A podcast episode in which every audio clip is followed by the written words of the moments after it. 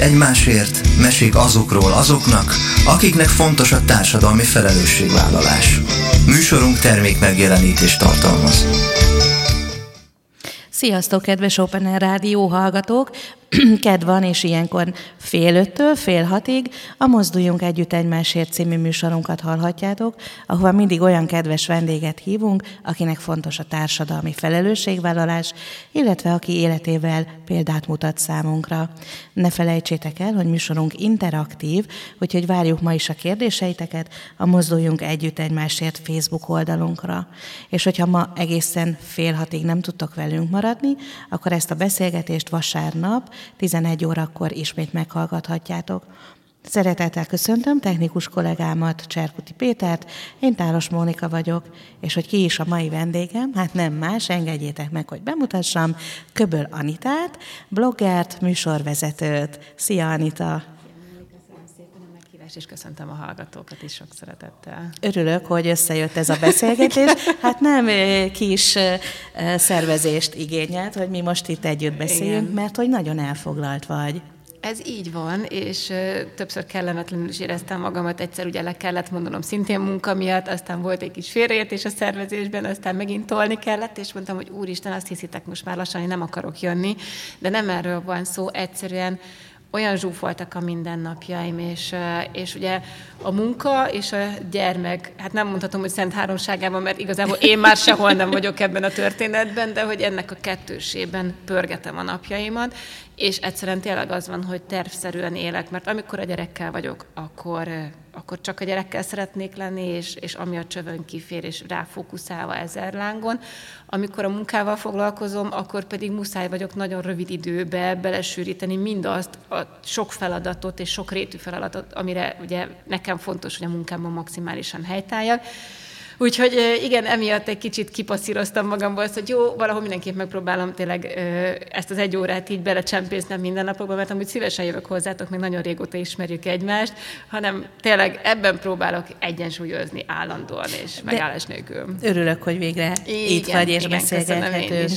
Egyébként mondtad, hogy most is a játszótérről jössz, hogy jöttél. És igazi nő vagyok, mert megkérdeztem, ugye nem készül felvétel? De szerintem lesétek meg a felvételünket, mert Anita nagyon jól néz ki, még így is, hogy a játszótérről jött. Mesélj egy kicsit, hogy, hogy hogy alakult a mai napod? Mivel voltál elfoglalva?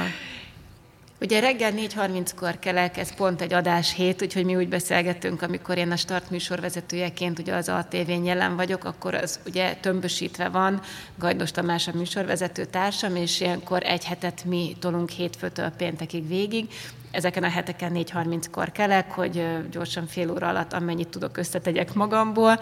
Ötkor szoktam indulni, hogy olyan 5-20 és 5-30 között beérjek a tévébe, ott gyorsan kisminkelnek minket, mondjuk úgy, hogy gatyába ráznak, hogy képernyőképesek legyünk, hát ugye a Tamásnak erre kevésbé van szüksége, nekem sokkal inkább, és, és aztán utána már 6-20-kor megvan az első ilyen összebeszédünk.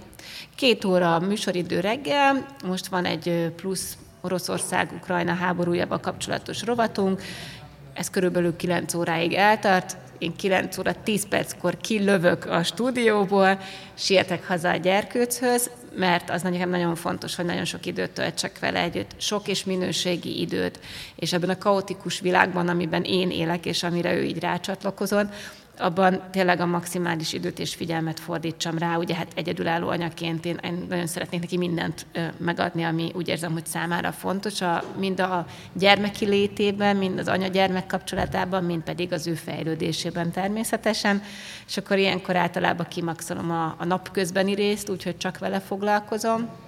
Ez némi presszió rajtam, mert ilyenkor nem nagyon van telefonálgatás, nem nagyon van e-mailekre válaszolgatás, meg ügyintézés, és akkor... Csak egyfelé fókuszálsz igen. gyermekedre. Ez azért volt nekem nagyon fontos, mert én ugye gyakorlatilag a szülést követő harmadik héttől visszaálltam a munkába. Tehát erre fel kellett készülnöm, ugye, hiszen már a várandóságomat is ugye egyedül csináltam végig, és ebből fakadóan úgy tudtam tudatosan készülni arra, hogy az anyagi biztonságot is meg kell teremteni magamnak kettőnk számára, és azt is, hogy hogy folyamatosan jelen legyek, mert az én szakmámban egyszerűen kell ez, ha nem így történik, akkor, akkor kiesel a pixisből, kiesel abból a körből, amiben addig tudtál mozogni. Én például arra is gondolok, hogy ugye nagyon sok rendezvényen szoktam műsorvezetői feladatot igen vállalni, uh-huh. és emiatt, emiatt nem engedhettem meg magamnak, hogy lazsáljak.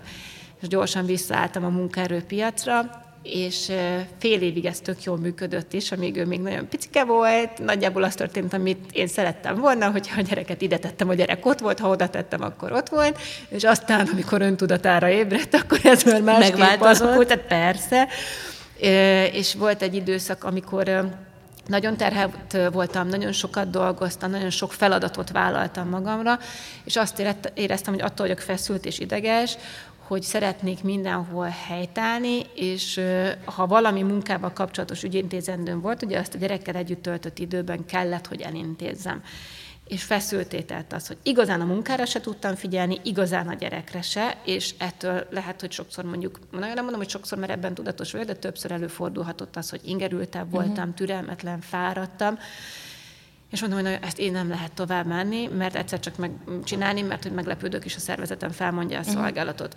És egyébként meg úgy voltam vele, és úgy vagyok vele a mai napig, és ezt szeretném sokáig is tartani, hogy amikor a gyerekkel vagyok, akkor az azért fontos számomra, mert ez csak egy átmeneti időszak ez a gyermek, az én kislányom egyszer csak fel fog nőni. És milyen gyorsan fel és fog nőni. Holnap után már férjhez megy, vagy Igen, egyetemre megy. És ezt, ezt tényleg szörnyű kimondani, és ebből, ebben a székben, ugye, mint amiben a szüleink mindig szoktak ülni, ez tényleg nagyon-nagyon gyorsnak tűnik. Még akkor is, hogyha minden napok sodrásában vannak nehezebb napok, vannak, amit a hátad közepére nem kívánsz, vannak terhetett pillanatok, és vannak persze csodálatos, fantasztikus, boldog, örömteli együtt töltött időszakok, és azt mondom, hogy Úristen, ma holnap ez a gyermek nem hozzám fog bújni, nem engem fog puszilni, nem nekem mondja, hogy anya, én úgy szeretlek, mármint, hogy az anyát mm-hmm. igen, a szeretleket az nem biztos, és én ezt szeretném kihasználni. És, és ezért figyelek nagyon arra, hogy amikor mi együtt vagyunk, akkor nagyon együtt legyünk,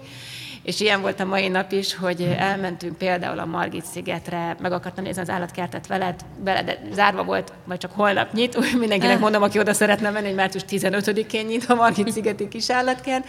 Nagyot sétáltunk, játszótereztünk, és délután most még hazamentünk egy gyors ebét, és aztán jöttem is hozzátok. Valóban nem volt időm kicsit gatyába rázni magamat, hanem úgy, ahogy van, koszosan játszóteresen ide jöttem hozzád, és ha én itt veled az interjúval végeztem, akkor az én napom még mindig nem fog véget érni, mert most kaptam meg a szerkesztőimtől a holnapi adásmeneten, megyek haza, és felkészülök az összes témára egytől egyig. Ez nálam úgy néz ki, hogy minimum fél óra, 45 percet, de van, hogy egy órát is szoktam szállni egy-egy témára, mert hiszen ez politika és közéleti uh-huh. műsor soha életemben nem politizáltam, nekem ez egy nagyon újszerű terep volt. A műsorvezetői rutinom megvan, de a tudásbázisom, én azért azt gondolom, hogy hagy némi kivetni valót maga után, és ebben azt gondolom, hogy kellő önkritikát gyakorlok, és nem szerettem volna soha senkit azzal áltatni, hogy én ebben nagyon pró vagyok de emiatt viszont nagyon fontos nekem, hogy legalább prónak érezzem mm. magamat a témákban, felkészülök, utána olvasok visszamenőleg, ameddig csak tudom. És ez ilyenkor kiharap a napomból mondjuk egy három-négy órát, és ott vagy megint, hogy este 11. Este. Mm-hmm le kéne feküdni, mert holnap újra 4.30-kor fogsz kelni, igen, és akkor ez egy ilyen közforgás, és akkor ez egy zonzásított verziója a napjaimnak, van, amikor ennél sokkal zsúfoltam, de egyébként meg ezt szerintem élvezem, szóval, hogy az van, hogy ez, ha nem élvezném, nem így lenne nem valószínűleg, igen. Említetted, hogy a szülés után gyorsan visszamentél dolgozni, és egy tudatos vállalás volt a részedről. Mennyire volt ez lelkileg megterelő, mennyire tudtad gyorsan feldolgozni, hogy nem három évet maradok most otthon a kislányommal, hanem három hetet? Igazság szerint azt gondolom, hogy így folyamatában dolgozom fel ezt a történetet. Nagyon nehezen engedem el magamtól a gyerkőcöt, mm. iszonyúan szeretném óvni, vigyázni rá, és nem kényszeresen, de, de rengeteg félelmem van, amit én így mindig felismerek magamban, hogy úristen, erre nem szabad gondolni, hogyha hiszünk a vonzás törvényében, bár erre azt szoktam mondani, hogy hiszünk a vonzás törvényében, én azért gondolok erre, hogy megelőzzem a bajt, és felkészült legyek, hogyha ne Isten valami mégis történik, akkor már tudjam fejben, hogy mondjuk mit akartam erre reagálni minden egyes olyan pillanat, amikor az elengedést kell gyakorolnom, az nehéz. nehéz. Én, az első ilyen a szülés volt. Nekem a szülésznőm mondta azt, hogy hogy lélekben én erre készüljek, mert tapasztalata szerint a legtöbb egyébként már a várandóságát egyedül csigig csináló édesanya nem tud természetes úton szülni, nagyon kevesen mm. vannak. Mert egyszerűen ez az óvás, féltés, ragaszkodás, az bennünk van, már ott fejben, és, és ebben biztos vagyok, hogy tökre igaza volt, hogy azt érzed, hogy, hogy addig úgy minden rendben vagy, egy test, egy lélek vagytok, én addig úgy tudok rá vigyázni, mint hogyha magamra vigyáznék, és az egy igazi burok a gyerek mm. körül. Úgyhogy nekem nem is sikerült például, én engem megcsászároztak a végére, aminek egyébként orvosi okai voltak, tehát uh-huh. nem azért, mert volt egy ilyen fejlővésem, bár én azt gondolom, hogy ez mindenkinek szíve joga, hogy eldöntse, hogy hogyan szeretne szülni. És az volt az első ilyen mérföldkő, amikor, amikor szembe kellett az nézem, hogy ú, ez az elengedés, ez tényleg, ez tényleg nem lesz könnyű. És érdekes, mert olyankor, amikor például tudom, hogy el kell mennem dolgozni, és a szüleimre bízom, vagy a kereszt szüleire a kislányomat, akkor tök nyugodt vagyok. Ezt úgy egész jól be tudtam tenni a mindennapjainkban. De amikor már most például ugye az intézményes keretek elkezdődnek, és ezen nagyon sok anyuka keresztül szokott menni, hogy a bölcsi, az óvoda, vagy egy játszóházban, vagy egy gyermekmegőrzőben már oda kifejezetten nem jártunk, de volt rá, mit tudom én, egyszer-egyszer példa, hogy egy gyermekmegőrzőben ott ő addig játszott, amíg én egy ügyes bajos dolgot elintéztem, és akkor azon kattogtam, hogy úristen, én ezt egyáltalán megtehetem, megengedhetem magamnak, hogy, hogy most egy picit magammal foglalkozzak. Jött a lelkiismeretfordulás? Hú, hát ez félelmetes, uh-huh. ez borzasztó. Lelkiismeretfordulás és féltés egyszerre. És a nők mi nők miért nem engedhetjük meg magunknak? Mit gondolsz ezt, hogy egy picit igenis fontos magunkra is gondolni, és az én időből magunkra költ, töltekezni? Hát szerintem ez egyénenként változó, hogy ki meri megengedni magának, ki nem, és hogyha igen, akkor azt milyen mértékben. Nem tudom, hogy ezt az elvárás diktáltatja-e velünk, a megszokás, az a nagyon sok-sok évtizedre, évszázadra de lehet, hogy akár évezredre visszavezethető szokás halmaz, ami bennünk úgymond genetikailag mm. kódolva van, hogy az anya, az ja, asszony van otthon, igen, a, a, a tűzhely mellett, és, és tartja fent a rendet otthon, és teszi a dolgot a gyerekek körül, az, az azt gondolom, hogy valahol mélyen bennünk leledzik, és erről azért nehéz leválni, ezt megtehetjük úgy, hogyha végig gondoljuk, és, és el tudjuk fogadni, esetleg magunknak föl tudunk állítani ebben kereteket, határokat, hogy mi az, ami még belefér, mm-hmm. és mi az, ami nem fér bele.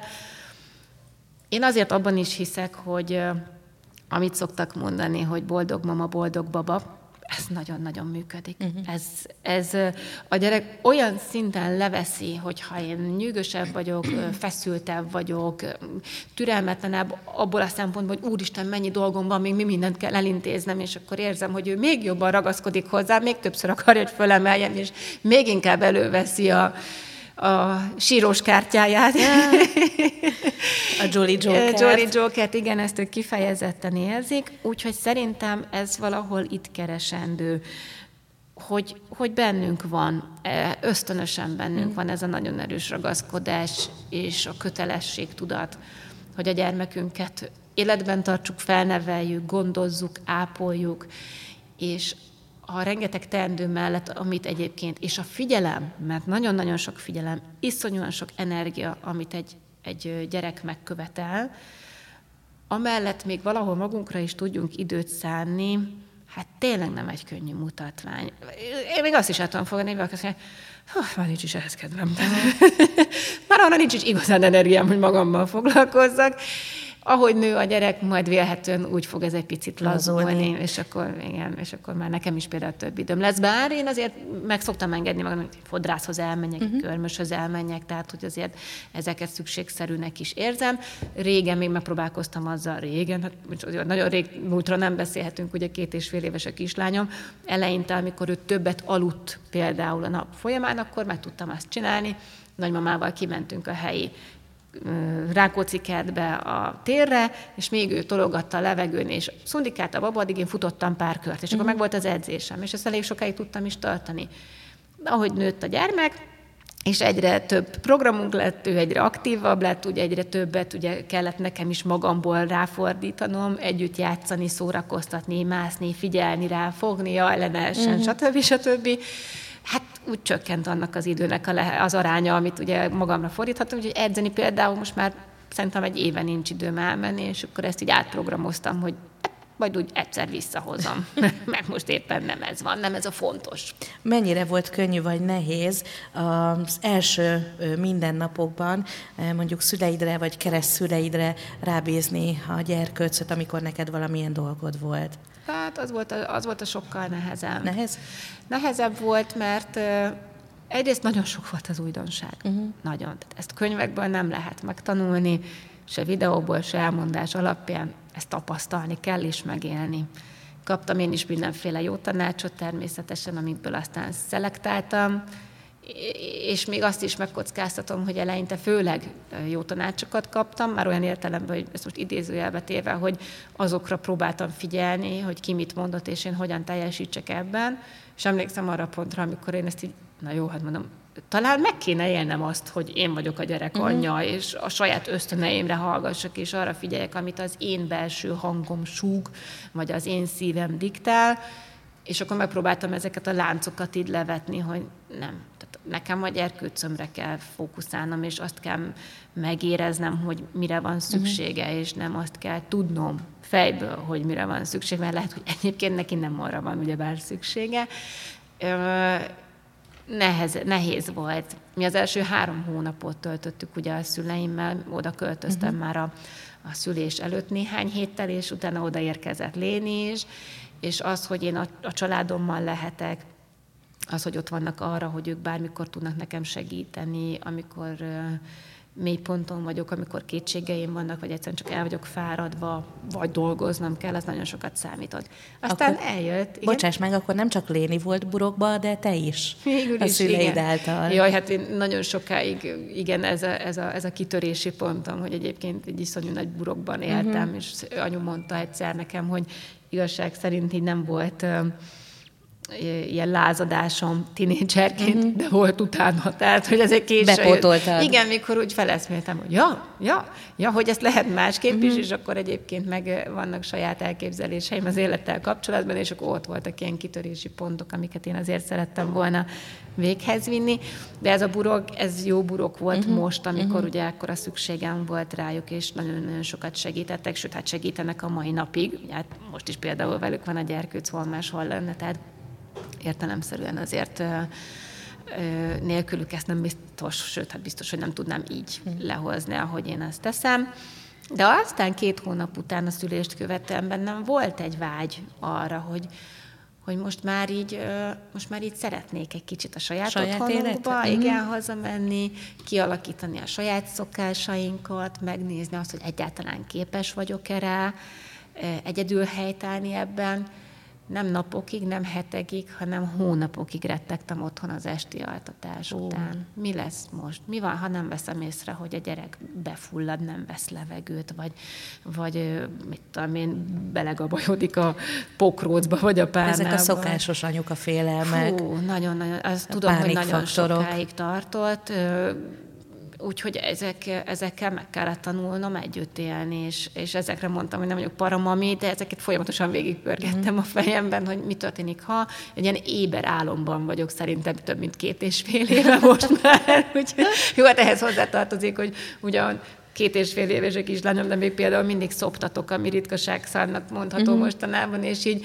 így ezért az éjszakák azok még nem mondhatóak teljesen átaludottnak és nyugalmasnak, de hát én ezt szeretem, úgyhogy majd, majd valamikor ezen is változtatunk.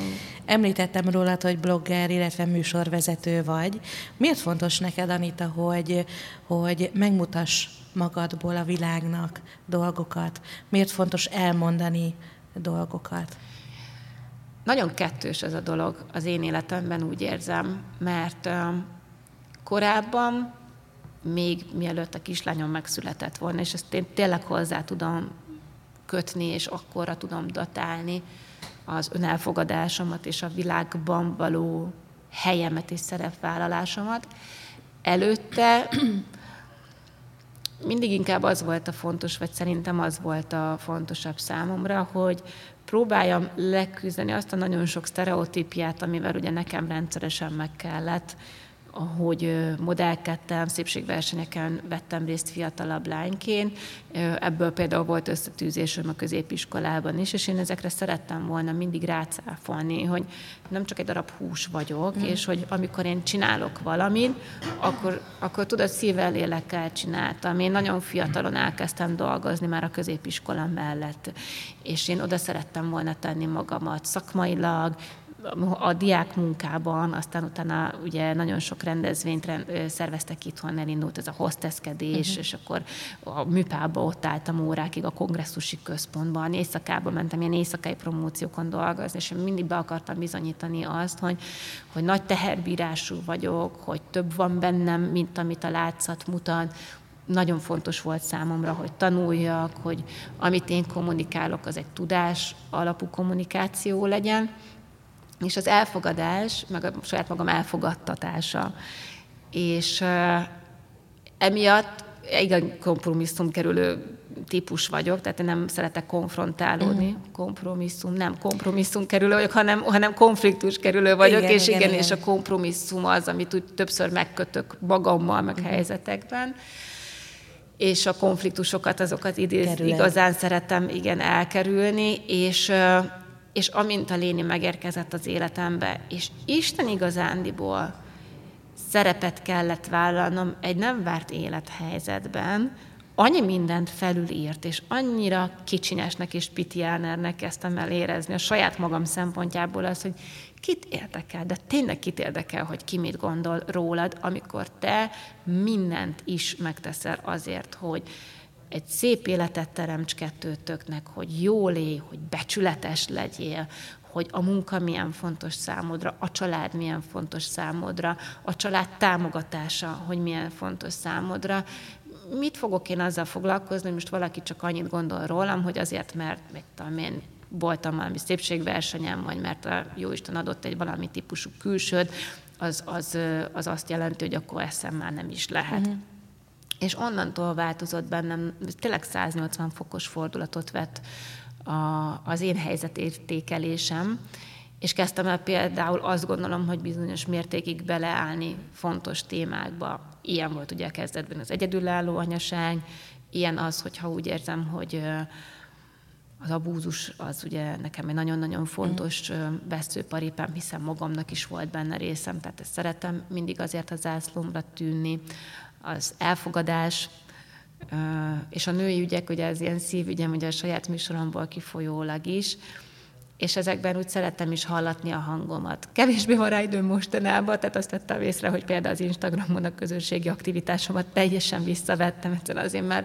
nincs rá időm, hogy érdemben úgy fogalmazzak meg tartalmat, hogy az ne az legyen, hogy sziasztok, jó reggelt, szép napot, milyen napotok volt? Mert bár közösség teremtő ereje van, hogy hú, be, úgy tűnik, mintha beszélgetnék a közösségemmel, de amúgy meg de tökre nem. nem.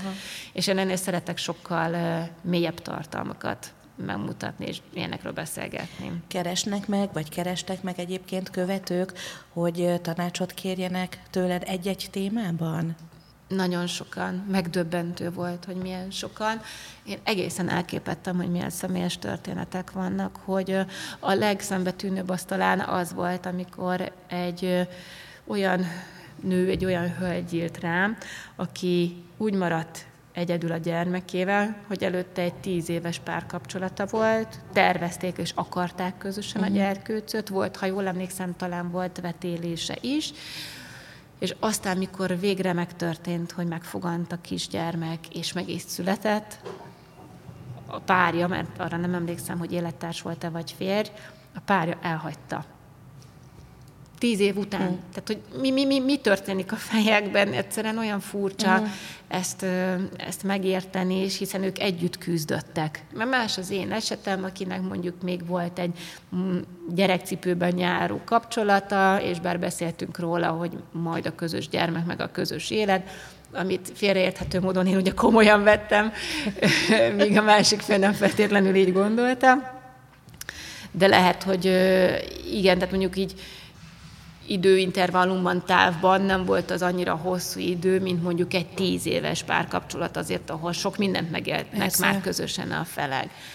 Nagyon sok nőt hagy el a, a fér, férjük vagy a párjuk, igazság szerint megdöbbentő az arány különböző élethelyzetekben, és nem igazán találom rá a magyarázatot, hogy ez miért van nem, nem tudom, hogy megijednek a férfiak, vagy váratlanul éri őket, mert azt nehezen tudom elképzelni, ami sok esetben ilyenkor a kommunikáció az ő részükről, hogy valamilyen értelemben mentsék a mundér becsületét, bár szerintem, ha kívülállók icipicit belegondolnak egy ilyen helyzetbe, akkor ez a legszörnyűbb magyarázat, hogy szándékosan esett teherbe a másik, meg felcsináltatta uh-huh. magát, uh-huh. meg ő nem tudott róla, hogy uh-huh. elnézést kérek, egy párkapcsolatban, hogyha van intimitás, annak és valamilyen módon ezt élik és folytatják, akkor annak bizony van következménye, ezt bioszórán megtanítják nekünk igen-igen fiatalon, hogyha ezt szeretnénk elkerülni, annak kivédésére vannak megoldások. megoldások Tehát, hogy legyünk van. felnőtt emberek, vállaljuk a tetteink következményén, a nők érzelmi beállítodásúak, érzelmi alapon döntnek, ugye sokkal magasabb az elkunk, mint a férfiaknak, és ez most nem különbségtétel, uh-huh. hanem ténymegállapítás. És, és szerintem a nők na jó, hát ez a saját számom, tehát nem egy tudományosan alátámasztott indok, de hogy azt mondom, hogy a 80 a mondjuk egy teherbeesés tényére nem az abortuszt fogja választani, hanem a gyermekét fogja választani. A maradék 20%-nak pedig nagyon sok apró szegmense van, hogy mondjuk miért választják azt, hogy nem szülik meg a gyermeküket, és azt is el kell fogadni, fogadni természetesen, de hogy a 80% legyen csak 70 teljesen mindegy, nem egy-két százalékról beszélhetünk, ők, ők vállalják az anyaságukat, várják a gyermeküket, és én azt gondolom, hogy bármilyen tűzönvízen át is hajlandóak menni érte, hogy, hogy anyaként képesek legyenek helytállni.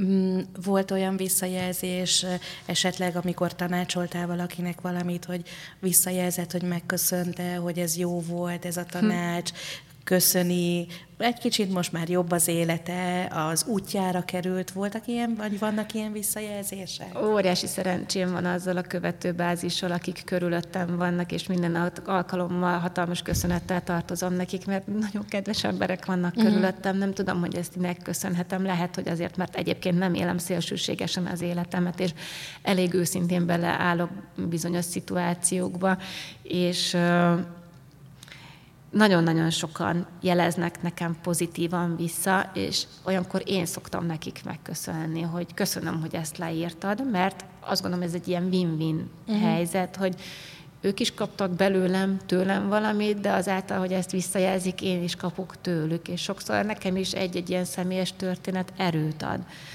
Hogy ha csak annyit, hogy ha ő meg tudja csinálni, akkor én is meg tudom csinálni. Ez ennyire egyszerű. Uh-huh. Meg kell csinálnom, mert muszáj megcsinálnom, és megyek tovább a mindennapokban, és teszem a dolgom, és ez mindig felemelő. Én azt gondolom, hogy ez a fajta segítség is már egy jótékonysági feladat így a részéről, részedről, vagyis nem is feladat, hanem egy jótékonysági adás hmm. az életedből. Ugye tudom rólad, hogy nem csak ebben, hanem ö, abban is úgymond jó vagy, hogy szívesen állsz egy-egy jó ügy mellé. Miért fontos neked egyébként az, hogy másokat segíts? És nem csak feltétlenül anyagiakkal, hanem, hanem egy est háziasszonyaként, vagy egy gyűjtés során, adod a neved, az arcod, ott vagy, segítesz. Ez miért fontos? Nem is tudom, ez egy, ez egy nagyon jó kérdés, Móni. Most elgondolkodtattál egy pillanatra, mert vannak dolgok, amik, amik szerintem bizonyos emberek számára természetesek. És, és az, hogyha én segíthetek a saját lehetőségeimhez mérten, akkor az, az nekem egy jó érzés. Nagyon sokszor nem vársz érte köszönetet, vagy hálát, vagy viszont segítséget, hanem szereted ezt önzetlenül adni a másiknak.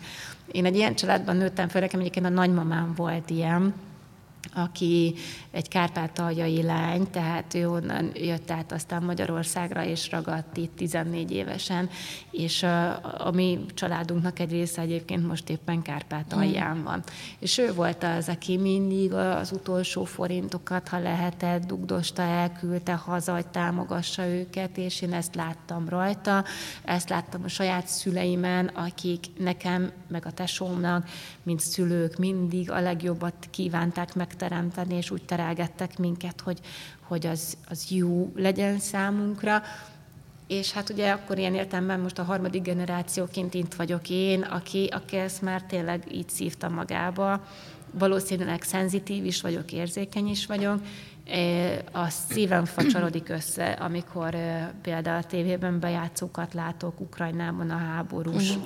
közegből, hogy mondjuk gyerekek milyen élethelyzetben vannak. De a törökországi földrengés kapcsán volt olyan riportunk a tévében, amikor egyszerűen láttam egy olyan bejátszót a monitoron, hogy el kellett kezdenem sírni, hogy elkezdtem volna sírni, nem tudtam megszólni, úgyhogy szólnom kellett a partneremnek, hogy mindenképpen ő beszéljen, mert nem tudok most szóhoz mhm. jutni, mert annyira megérintett lelkileg.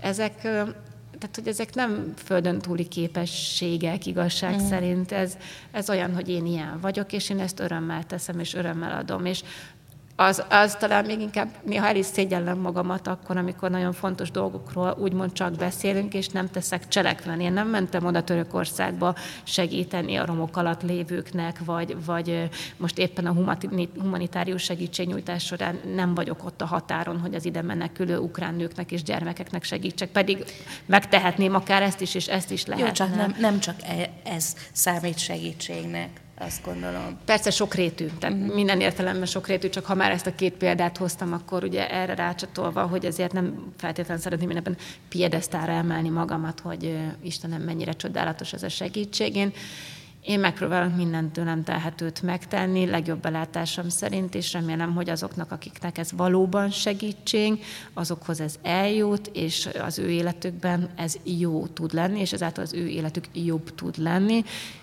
és sokszor tényleg egy kedves szó, egy mosoly, egy szívecske, egy köszönöm, az mindennel felér, és ez így, ez így kerek ez a történet. Ennél nem, nem szoktam többet belegondolni ebbe. Próbálod majd a lánykádat is ezzel a szemlélettel e, útra engedni majd? De jó ráéreztél, őt nem kell ilyen szemléletben nevelnem, mert ő ilyen. Uh-huh. Tehát az, hogy ő mindenben is segíteni akar, az olyan szívet melengető és mindig megmosolyogtat, amikor a legveszélyesebb élethelyzetekben csak épp a konyhapultra fel akar gyorsan mászni, mert jön, hogy hozza a tejet, és mondja, hogy megcsinálom a kávémat, és mondja, hogy segítek, segítek, és akkor mm. ő már rongyol oda felém.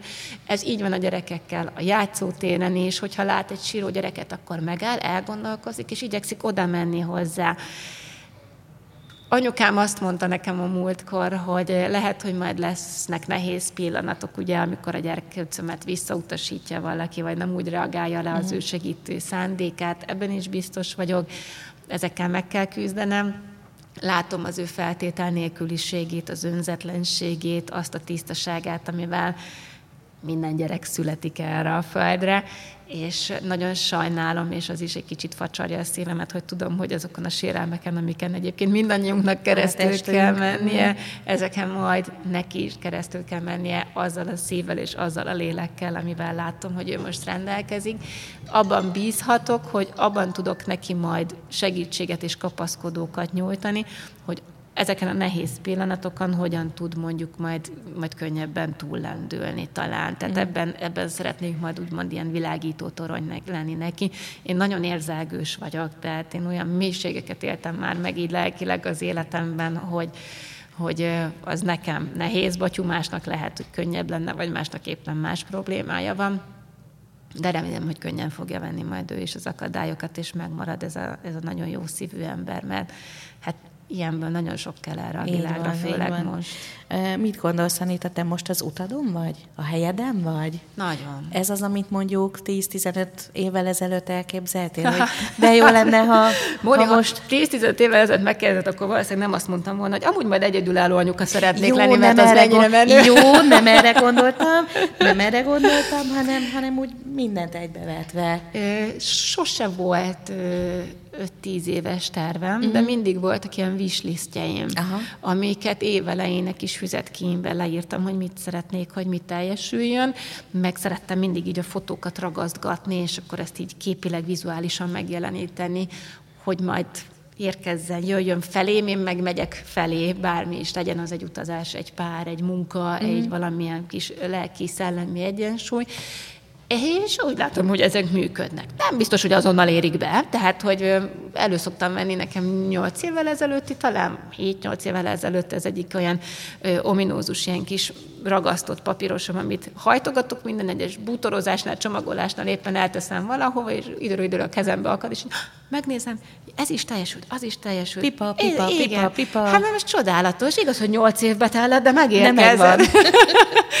szóval igen, ezt el kell fogadnom, hogy nem mindig minden történik azonnal úgy, ahogy én ezt szeretném de tényleg a helyemen vagyok. Én nem, én nem kívánhatnék jobb életet magamnak. Mm. Engem nem nyűgözne le most egy, egy új cipő, vagy egy valamilyen fajta márkás holmi, amit éppen meg tudok magamnak venni, mert mondjuk anyagilag megengedhetném. Mm. Hiszen ha már sokat dolgozom, akkor legyen már valamiféle anyagi biztonság, ugye?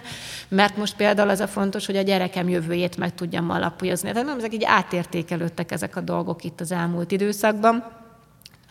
És, és tényleg nem, nem tudnék olyat mondani, ami hiányzik. Úgy érts, hogy most itt vagyok egyedül, most már összetettben három éve, uh-huh.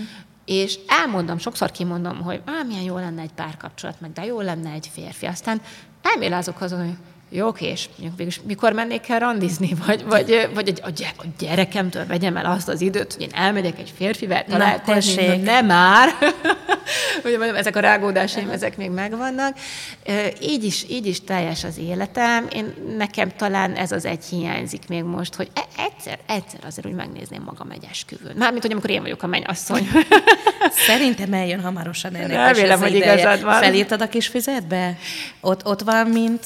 Ott van, van a 2023-as wishlistem ki van ragasztva a, a, a falra, és igaz, hogy utolsó pontként még oda vigyeztettem, de pirossal odaírtam, hogy boldog párkapcsolat, úgyhogy remélem, hogy ez is meg fog történni. Jó, szerintem hamarosan indulj haza, Anita, és Jó. akkor azt az utolsó kívánságot, hogy nyilazd már kicsit előrébb, légy szíves, ne ott az utolsó helyen Igen, az mókás, hogyha valaki megnézi ezt a wishlistet, akkor azt látja, hogy munka egy oszlop teljesen az elejétől végéig írva, és a magánélet az így a feléig ott Na, van, és abból is a gyerek egy markáns rész, úgyhogy ráéreztél, de, de ez most így jó. Én ezt most nagyon élvezem. Nem akarnám, hogy másképp legyen. Azt gondolom, ahogy hallgatlak, hogy roppantul maximalista vagy. Lehet, hogy igazad van benne. Ugye? Sose gondoltam volna ezt is, Isten igazából magamról, de nem biztos, hogy maximálisan maximalista vagyok. Uh-huh és szeretem jól csinálni a dolgokat, és, és jól érezni magamat abban, amit éppen csinálok, és azt érezni, hogy az elégedettséggel tölt el, és nem csak így félváról lenni, hogy na ez majd így jó lesz, vagy majd jól ér, ráérünk arra, még patópálul. Nagyon-nagyon megy a, az idő, de azt még Jaj. feltétlenül meg akarom kérdezni, hogy milyen érzés volt az, amikor felhívtak, vagy a tudomásodra jutott, hogy itt új feladatok várnak, hiszen az ATV-hez fogsz menni, Igen. illetve hát szeretettel várnak egy, a reggeli műsornak az egyik műsorvezetőjeként. Na ez hoz, hogy érintett? Elmondom, hogy érintett. Német Szilárd hívott fel az ATV vezérigazgatója, és állt elő ezzel az ötlettel, hogy esetleg egy castingra elmennék el. Még nem mond semmit, de, de hogy szívesen megnéznének ebben a feladatban. Válaszom, á, Szilárd, nem, nem, nem nekem való, nem, politi- én politika, nem, biztos. Szerintem te más embert keresel, én jól vagyok ott, ahol vagyok, és amit csinálok, és Szilárd így telefonon beszéltünk, de a hangjából éreztem, hogy így nézhet egyet, hogy Anita, ez csak egy casting. Próbáld meg, tehát veszteni valód nincsen vele, nézd meg, hát ha mégis jól érzed magad benne. Miközben egyébként én vágytam erre a feladatra, már évekkel korábban is azt éreztem, hogy amikor különböző bulvárműsorokat, magazinműsorokat vezettem, hogy úgy több van bennem, a tudásszom is több és nagyobb mértékű bennem, és például egy ilyen reggeli műsort úgy el tudnék képzelni magamnak, mert az nagyon sokrétű tudást és figyelmet igényel, de amikor jött ez a lehetőség, akkor azért úgy inamba szállt a bátorság. Megremegett a Meg, mert ennek azért van felelőssége. Uh-huh. És talán főleg inkább a politikai tényező miatt is, ugye, hiszen kevésbé vagyok jártas benne, és azért ez egy ingoványos terep, hiszen a politika az nagyon meg tudja osztani az embereket, családokat is meg tud osztani. Azt nagyon fontos hangsúlyoznom, és szerintem ezt nagyon sokan érzik, de van egy szűk réteg, aki nem érzi, hogy a műsorvezető ott műsort vezet. Nem politikailag foglal állás, állást jó eséllyel természetesen, hanem felteszi a mindenki által feltehető és kérdéseket. És pontosan így, maradni. így ebben a, ebben a pozíciódban maradsz. Úgyhogy végül is aztán ugye elmentem a válogatásra, mint ahogy azt a mellékátábra is mutatja, és nagyon jó visszajelzéseket kaptam a Szilártól, és aztán eltelt bő, azt hiszem talán egy hónap, mikor végül is megcsörrent a telefonom, és előállt a farbával, hogy van egy távozó kolléga, és ők felkínálnák nekem ezt a lehetőséget, ehhez én mit szólnék. Nagyon-nagyon megilletődtem, de természetesen madarat lehetett volna uh-huh. fogadni velem ott, ott boldogságomban. Hát ugye újra kellett tervezni az életemen. Akkor volt Léni másfél éves, hiszen most már áprilisban lesz ez pont egy éve meg kellett beszélnem a szüleimmel, hogy na ez most majd hogy lesz, hogy fogjuk mi ezt kivitelezni. Hát ugye úgy néz ki az életem, hogy ilyenkor a, a gyerkőc a nagyszülőknél uh-huh. alszik, hogy én ugye fel tudjak készülni, és hajnalban tudjak kelni, hogy a gyereket minek teszem ki, jó lesz ez neki. A nagyszüleim közül akkor még anyukám is dolgozott, most már csak apukám dolgozik, de hát hogy így azért ez belőlük is iszonyú nagy szeletet vesz vagy, ki. Uh-huh. Persze, tehát hogy ez, ez egy óriási vállalás az ő részükről, hogy nem lehet elég, elég hálás nekik, hogy ők ezt tényleg így értem, bár azt gondolom, hogy sokkal inkább az unokáért megteszik, mert hát ugye szerelem, tehát ő a család szemefénye.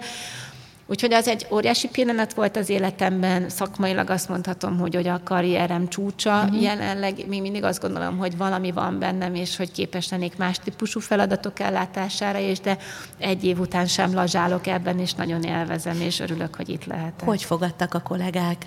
Úristen, nagyon jól.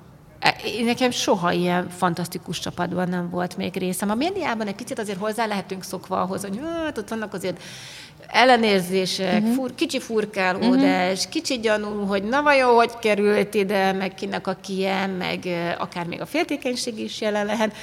Ennél a csapatnál az első perctől kezdve azt éreztem, hogy itt mindenki örömmel fogad, szívesen segítenek, legyen az egy operatőr, egy szerkesztő, vagy ugye Tamás a műsorvezető társam, a teljes vezetőség, tehát hogy, hogy annyira nagyszerű helyen vagyok, ami, ami szokatlan volt számomra az első percben, hogy tudod, hol van itt az apró betűs rész igen, igen, még nem olvastam el.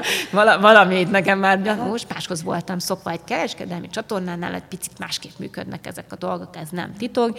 Ott azért nem árt helyezkedni, ott azért nem árt az illetékesekkel jóban lenni, és ez, hogy te jóban vagy, ez nem egy érdek nélküli állapot.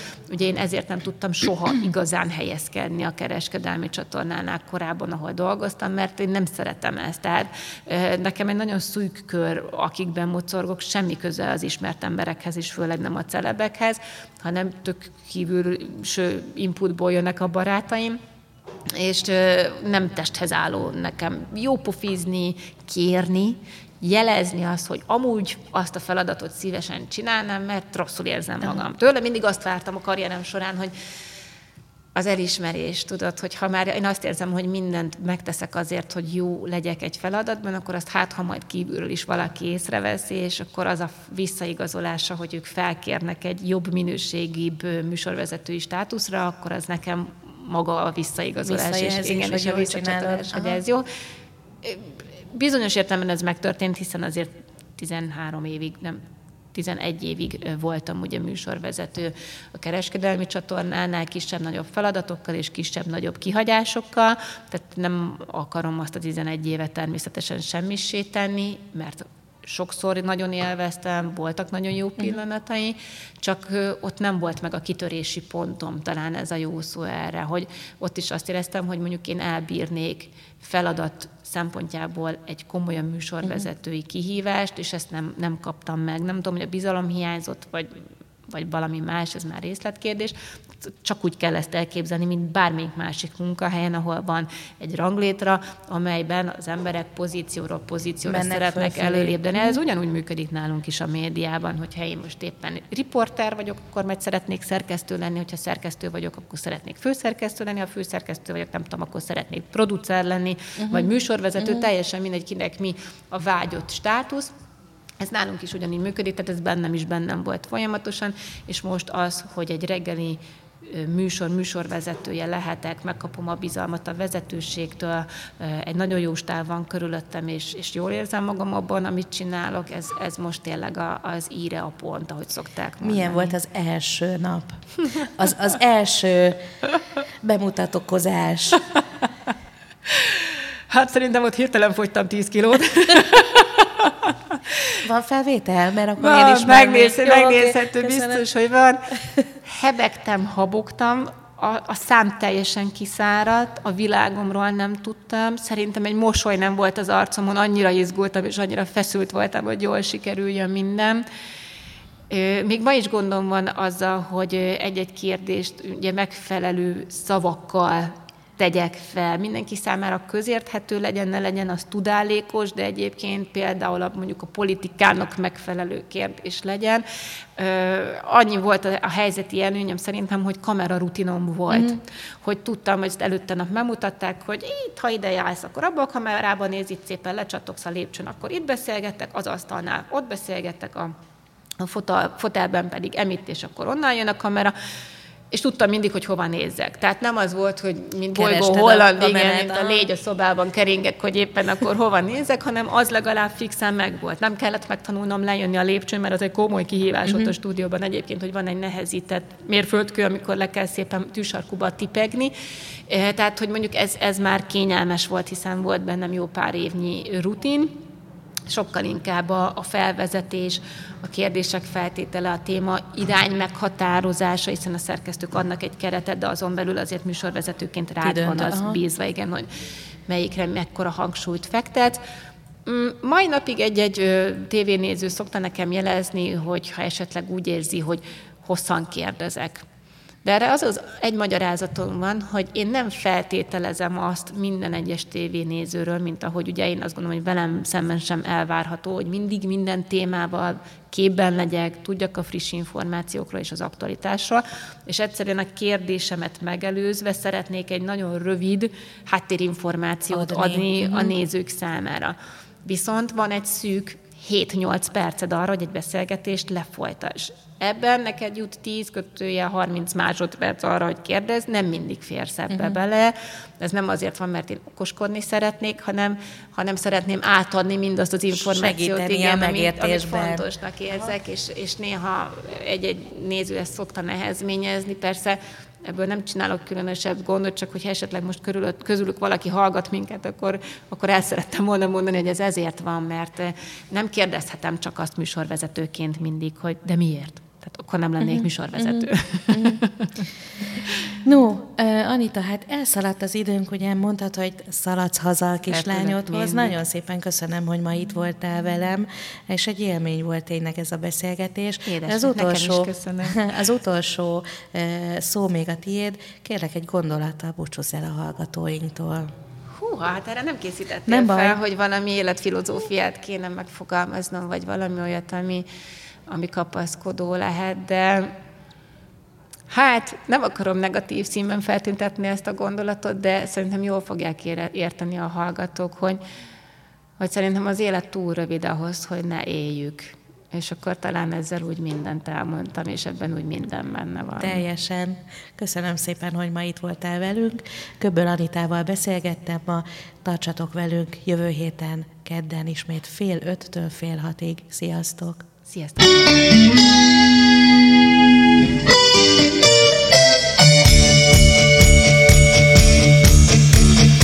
A Mozduljunk Együtt Egymásért mesék azokról azoknak, akiknek fontos a társadalmi felelősségvállalás. Műsorunk termék megjelenítést tartalmaz.